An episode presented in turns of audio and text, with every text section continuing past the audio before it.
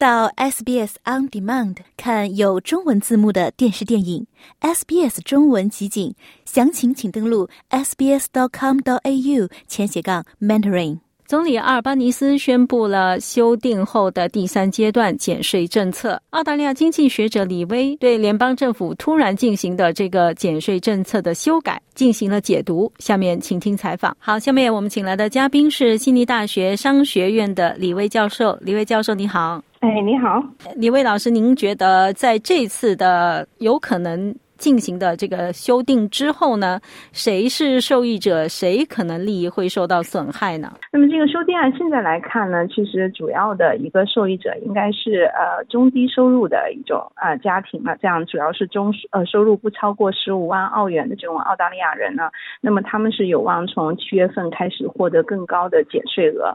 相比于之前的这个联盟党的这个提案呢，那么呃应该来说收入在二十万或者二十万以以上的这些人呢，那么他们所能够得到的这个税收的减免的这个额度呢，从原来的这个九千多块钱，现在就是下降到了四千多块钱。这个十五万澳元以下的这种澳大利亚人的一个减税呢，应该是涉及到各个收入的一个层次的。那么其中的内容就是一个方面是最低的所得税呢，从百分之十九也降低到百分之十六，那么意味着啊，收入低于四点五万澳元纳税人现在就是获得减税。那么第二个税档就是从从百分之三十二点五也是降低到百分之三十，那么这个就会适用于低于十三点五万澳元的一个收入。啊，最后会保留百分之三十七的税率，那么从十三点五万澳元开始适用，那么这个比之前的十二万澳元呢也有所提高，百分之四十五的一个税阶的起征点呢也从十八万澳元提高到十九万澳元，那么所以来看呢，其实这个降税的这个幅度呢来说呢，应该是以这个比。比较普遍的就是各个收入阶层的这种澳大利亚的。呃呃，工作的人员呢都可以享用到这种啊减税的一个政策。那么这个就是跟原来的联邦政府呢，其实他们当时在设立这个减税的政策，更多是因为随着我们社会的这个收入的一个增加，所以呢，那么起征这种高税的这种标准呢，应该就是说也是呃越来越增加这样子。可能原来十八万是一个很高的收入，但是随着现在收入增加，二十万成为一个更高的一个收入。所以原来的这种呃联邦政府。在起征这个税的时候，改变这个税的一个税率的时候，主要的一个想法是怎么样可以提高澳大利亚的生产率，还有怎么样可以提高这种就是有劳动能力的人，那么他们可以更加积极的参与到这个劳动力的市场。那么这是几年前的一个设想，还有一个方案呢。但是到我们现在来说呢，我们可以知道，现在工党政府面临的最主要的就是生活压力，还有生活成本方面的一个主要的一个挑战。那么现在的确像你刚刚说的，我们通货膨胀率还是保持在一个相对的比较高的一个水平，然后利率呢，我们现在还是一个啊很高的一个利率的一个水平，所以大家的这个呃生活的开支、生活的成本，那么从各个收入阶层来说呢，尤其是中下层的这个收入阶层来说，他们的生活的压力应该是非常高的，呃，那么也有相应的研究也就显示，比如说是啊在这种通货膨胀比较严重的一个情况之下，可能对于中低收入的家庭的打机会更。大，那么因为他们更多的人可能是啊租房子这样子，那么随着租房房租的一个上升，他们会有更多的一个压力。那么另外一个方面，他们可能有很多的人，他们没有自己的这种交通的一个工具啊，或者说他们要更多的依赖这种公共的交通的这种方式啊，或者说出行的方式，那么可能在面临这种呃生活成本的一个上升，他们也会有更多的一个压力。那么所以这次工党，我觉得他对于这个这次的减税的一个修改，最主要是应对这种生活成本的一个压力。那么也是希望在这个税率的一个减少的一个情况下，更多让这种中收入的家庭，他们通过这个退税方面能够得到的相应的一定的帮助，那么可以去减缓这个生活成本的一个增加方面的压力。研究也有发现啊，就是中收入的家庭，他们可能在退税以后，可能额外的这种税收的一个情况，嗯，拿到的时候呢，他们更多的时候会把他们用于。消费当中，那么这种消费可能也会希望更多的能够拉动经济的一个增长吧。你怎么看待来自反对党的指责？就是说，共党政府任意的改变他们的竞选承诺。对的，那么现在来说呢，反对党肯定是对于这种改变的话，肯定会有相应的一个指责啦。就是说，呃，尤其是我们在今年年初的时候，可能大家还是一个预期，这个政策不会有太大的一个改变。那么去年的时候呢，工党的确也是，就是说进行了一系列的政策的调整，尤其有很多这种基础设施建设方面的一些开支啊。那么反对党也一直就是说，啊，为什么我们现在通货膨胀这么严重，也是因为呃，工党在去年。的时候，一个方面基础设施方面的开支非常的大，那么也是拉动了这个通货膨胀。再一个方面呢，在移民方面也没有很好的一个控制，有很多的移民那么进入到澳大利亚，那么让很多的这种产品啊和货物的需求啊，那么价格成本都持续的上升。那么这也是就是反对党一直也就是揪着这个工党一直认为他们没有在生活成本的这种控制，还有这种通货膨胀的这种控制，还有人的生活水平的一种。呃，改善方面有做得很好的一个方面。那么这一次工党，我觉得他们也是希望就是就这个减税的这种方案吧，其实更多的去呃希望能够缓解民众的生活的压力，但是更多希望能够通过这次减税呢拉拢人心吧，应该这样说。因为的确从去年的一个大的一个环境之下，那么中。低收入的家庭呢，在这种通货膨胀还有生活成本上升方面，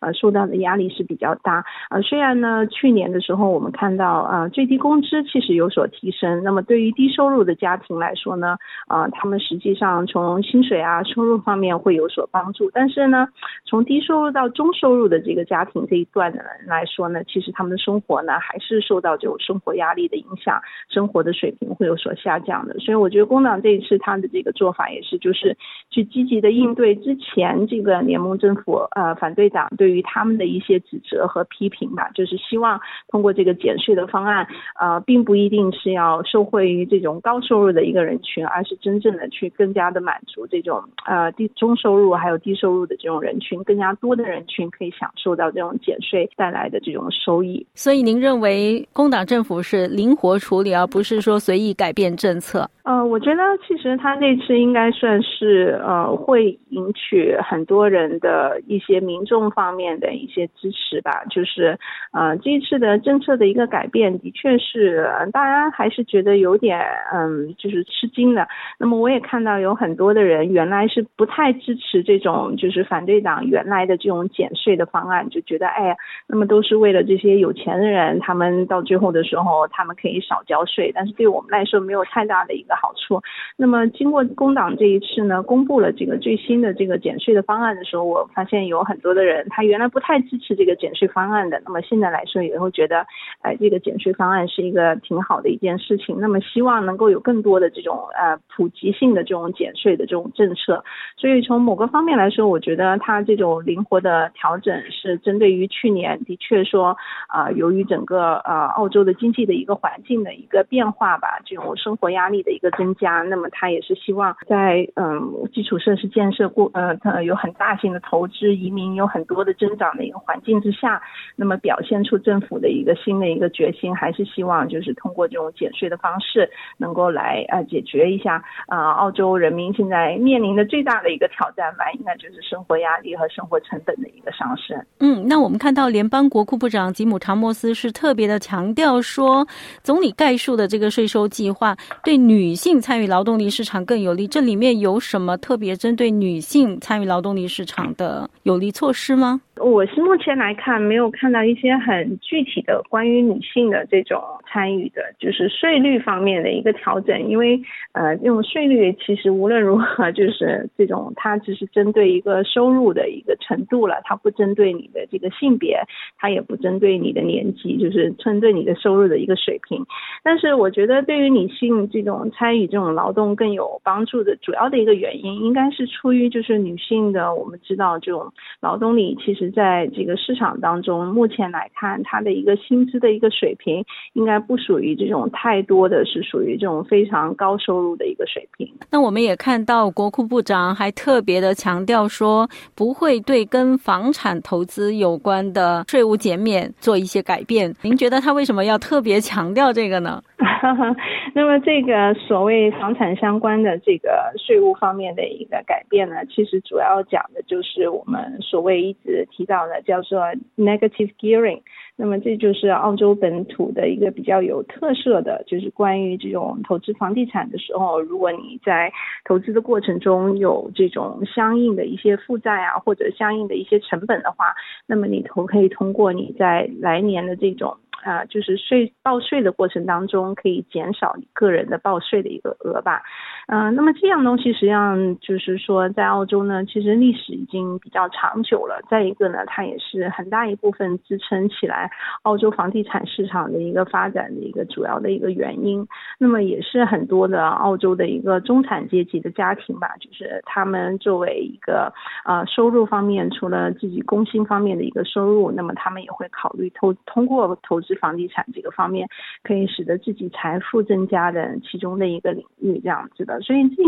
方面呢，它涉及的人群实际上是非常广的，而且它涉及的也是广大中产阶级的一个利益吧。这也是从历届的政府的一个选举当中呢，就每每如果有政府要提出如果要改变这个 negative gearing 的话，其实就会有很多选民就是觉得非常的担心，而且就是不太愿意就是这样东西有所改变。那么这也是之前我。我们看到工党政府之前的一次选举当中，其实他们很明确的就是说要改变这个 negative gearing 这种设置的时候呢，那么当年的大选呢，他们也就没有 就是顺利的这种当选。那么这也是为什么这一次工党，我觉得他们嗯就是特别的要强调吧。虽然说这一次这个税改会有更加偏向于中低层次的这种收入的人群，但是呢，对澳洲一直持续这呃就是有的这种 negative gearing 的一个政策呢，目前还是没有任何的一种啊需要改变的一种方向吧。主要是